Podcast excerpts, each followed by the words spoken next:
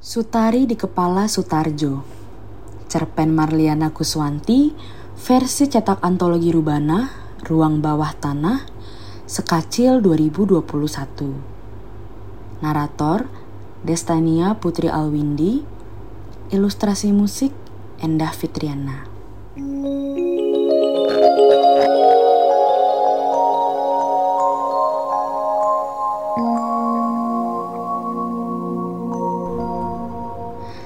ingin sekali tinggal dalam kepalamu. Kepalamu penuh cerita, pasti nyaman sekali di sana. Sutarjo merasa ngeri dengan ucapan Sutari. Dia tahu, sudah lama adiknya memendam kebencian padanya. Terhitung sejak bapak mereka menyusul ibu mereka dua tahun lalu, dan perkara warisan pun menjadi ajang debat keduanya.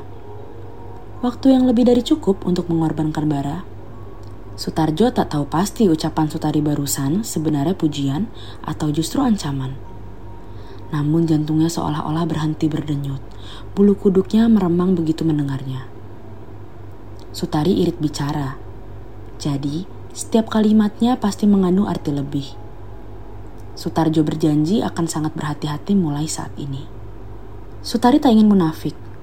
Kerap ia ingin sekali mencabik-cabik tubuh Sutarjo sekiranya ia mampu kakaknya itu senang sekali menjadikannya takdir lelaki sebagai senjata.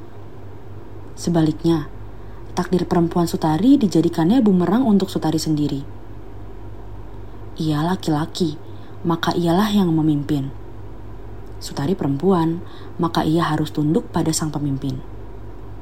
Ia laki-laki, maka sudah sewajarnya ia mendapatkan bagian yang lebih besar dari harta yang ditinggalkan kedua orang tua mereka.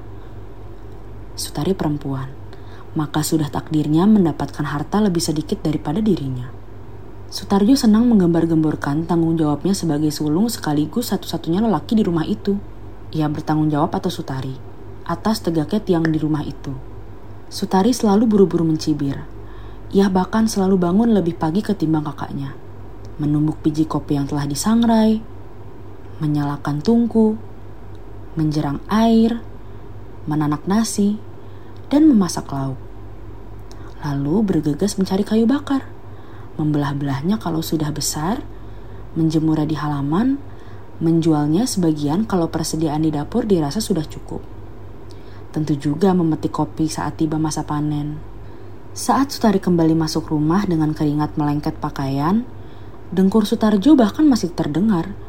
Sutarjo bahkan tak pernah berpeluh, tak pernah terjerang kepalanya di bawah matahari yang bersinar garang tak pernah terluka kedua telapak kakinya oleh batu-batu sialan yang tajam melubangi sandal. Dalam benak, Sutari memiliki panggilan khusus untuk Sutarjo. Keparat yang layak dikirim pulang ke neraka. Lebih cepat, lebih baik. Sutarjo tahu, bibit kebencian adiknya padanya sudah tertanam jauh sebelum kedua orang tua mereka berpulang. Sebenarnya, ini bukan hanya soal warisan, Sutari iri padanya yang memiliki kemampuan langka. Kemampuan yang tak dimiliki kebanyakan orang, apalagi di pelosok desa seperti ini. Sutarjo memiliki imajinasi yang luar biasa, yang begitu ia cakap menulis, imajinasi itu berubah menjadi begitu banyak cerita. Ya, Sutarjo mahir menulis cerita. Di tangannya, daun dan angin pun dapat menjelma jutaan cerita. Cerita-cerita yang kemudian sampai juga ke meja-meja redaksi berbagai koran dan menjadikannya bintang edisi minggu. Cerita-cerita Sutarjo bahkan melampaui batas-batas laut, tersiar di kota-kota dan daerah-daerah yang belum sekalipun ia injak kakinya. Sutarjo mendapatkan penghidupannya dari sana. Ia tidak perlu berpeluh, tidak perlu terjerang kepalanya di bawah matahari yang bersinar garang. Tidak perlu kedua telapak kakinya terluka oleh batu-batu tajam yang melubangi sandal. Batu-batu di bawah sandal Sutarjo sama tajamnya dengan batu-batu di bawah sandal Sutari. Namun, karena Sutarjo amat jarang berpergian, sandalnya jauh lebih awet tebal daripada sandal Sutari. Dan tentu saja, seperti kebanyakan cerita tentang penulis, Sutarjo bekerja saat malam telah begitu sunyi, hanya menyisakan kerik jangkrik dan desir angin. Maka ia menganut cara hidup kadalawar. Malam mencari makan, lalu tidur begitu hari mulai terang. Saat Sutarjo begitu geram pada Sutari, ia membatin. Kau tidak perlu cemas padaku kalau memang kau tak punya kualitas otak seperti otakku. Berpikirlah sesekali, perempuan berkain otot. Sutari merasa tak ada yang lebih pantas menerima kebun kopi itu selain dirinya. Bahkan seutuhnya. Apa jadinya kebun kopi tanpa kegesitan kaki dan tangan orang yang memang telah bertahun-tahun mengurusnya? Sutari tahu segala tentang kebun kopi pemrosesan bijinya, bahkan penjualannya. Sutari kenal baik semua pembeli kopi di pasar, dari pemberi harga terbaik sampai terburuk. Di tangan Sutarjo, kebun kopi itu hanya akan berbuah belukar. Sutarjo tak tahu apa pun tentang kebun kopi. Ya, ia mungkin tahu sedikit dari koran atau buku yang kerap dibacanya, tetapi Sutari bersumpah Kau tak akan bisa mendengar sepetak kebun kopi dan segala usaha kelanjutannya hanya dengan membaca buku. Sutari sama sekali tidak pernah membaca tentang kopi, tetapi ia telah terbukti andal soal itu. Ia mewarisi kemampuan kedua orang tuanya nyaris tanpa perlu bersusah payah seolah-olah ia memang terlahir untuk itu. Saat orang tua mereka masih ada, Sutari membantu keduanya. Saat keduanya tak lagi ada, Sutari mampu membuktikan tak sepeser pun pemasukan keluarga dari sepatak kebun kopi yang sama terganggu. Sutari merasa pantas menepuk dada.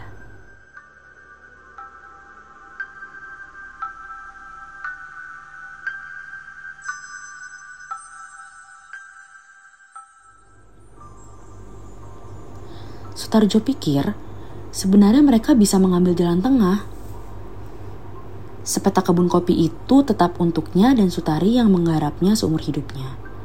Sampai kelak keturunannya menggantikannya juga boleh. Sutarjo akan merasa senang kalau di masa tuanya ia bisa membantu menyediakan lahan nafkah untuk keponakan-keponakannya yang mungkin elok-elok parasnya, hmm, mungkin juga tidak. Siapa yang tahu? Keduanya bahkan masih sama-sama lajang. Nah, untuk jalan tengah ini, bolehlah Sutari mendapatkan bagi hasil sedikit lebih banyak darinya. Mungkin 55% untuk Sutari dan 45% untuk Sutarjo sendiri. Atau 60 banding 40 kalau Sutari berkeras.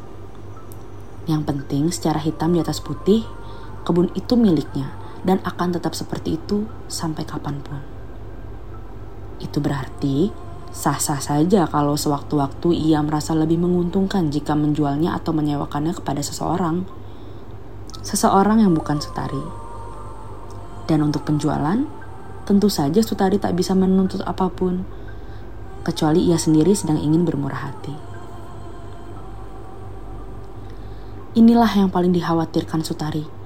Kakaknya terbiasa memikirkan segala hal, tentu tak terkecuali hal-hal licik Hal-hal licik jauh lebih mudah muncul dalam kepala seseorang yang sering berpikir daripada mereka yang nyaris tak pernah berpikir. Kalau sepetak kebun kopi itu dimiliki Sutarjo, ia bisa terdepak kapan pun Sutarjo mengayunkan kakinya. Apa enaknya makan, tidur, dan berak di ujung sepatu orang lain? Kali ini, pertama sepanjang hidupnya, Sutari harus berpikir keras Bagaimana caranya mengamankan kebun kopi itu dari Sutarjo yang banyak akal? Sutari tahu ia harus bergerak cepat. Jangan sampai kalah langkah.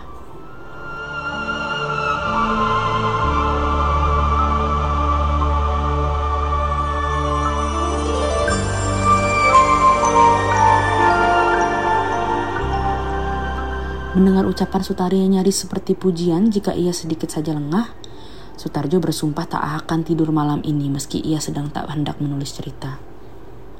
Sama seperti bibit kopi, ide juga butuh waktu untuk tumbuh. Biasanya, kalau malam ini ia tak menulis cerita, besok malam ia akan mendapatkan cerita yang bagus, kadang malah lebih dari satu. Apa pun yang terjadi, malam ini ia bertekad terus membuka mata lebar-lebar. Kalau perlu, ia akan beredar ke warung-warung tetangga, kalau-kalau salah satu dari mereka menjual sepasang mata cadangan. Dan kalau tak ada yang menjualnya, Sutarjo bersumpah akan membangkitkan sepasang mata kakinya dari kematiannya selama ini. Semata-mata untuk menggantikan kedua bola matanya yang tak tahan lagi disergap kantuk.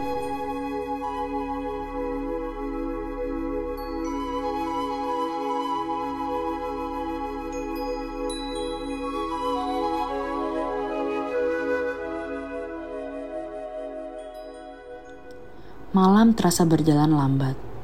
Benar-benar seperti tak bergerak. Ucapan Sutari menjadi teror. Apalagi raut wajahnya sungguh bertolak belakang dengan kalimat-kalimatnya seumpama kalimat-kalimat itu dimaksudkan untuk memuji.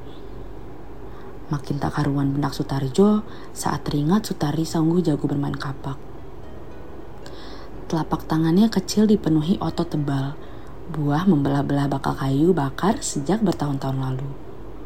Bahkan saat Sutarjo masih mengangkat-angkat bagian depan kain sarungnya selepas dihitan, adiknya sudah belajar mengayunkan kapak.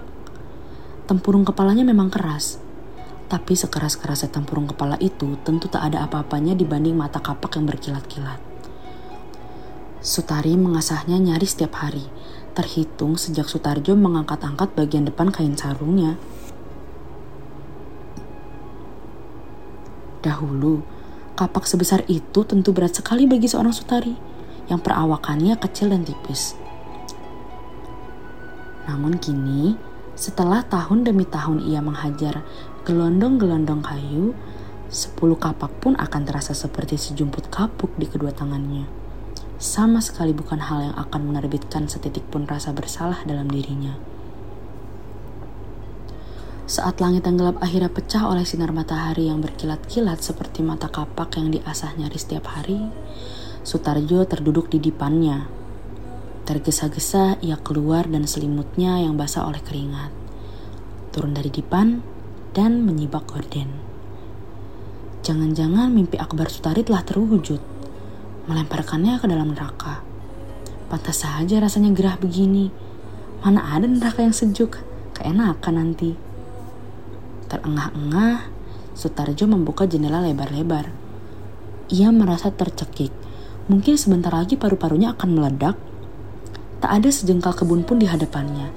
Tak ada pohon kopi barang sebatang di luar sana yang ada hanya tembok semen kelabu yang berdiri congkak, seakan-akan menertawakannya serta jalan yang hanya muat untuk satu sepeda motor mengular menghubungkan satu pintu neraka ke pintu neraka lainnya.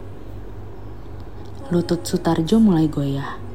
Mungkin benar kata orang-orang, seharusnya ia tak pernah pergi ke Jakarta. Jakarta tak serta-merta menjadikannya pengarang papan atas. Tak peduli ia telah mengetik begitu banyak cerita sampai ruas-ruas jarinya serasa hendak terlempar. Sedang batang usianya dilapukan waktu yang tak pernah menaruh peduli. Tak ada cerita pendeknya yang berumur lebih dari satu minggu. Tak ada bukunya yang meledak di pasaran. Tak ada hunian pribadi meski berlantaikan tanah beratapkan rumbia. Penghasilannya dari mengarang hanya habis untuk makan dan membayar kontrakan yang terasa makin sumpuk saja. Sutajo tak kuat lagi berdiri di pagi yang cerah sekali. Sutari terpingkal-pingkal sampai berguling-guling di lipatan-lipatan otak dalam batok kepalanya.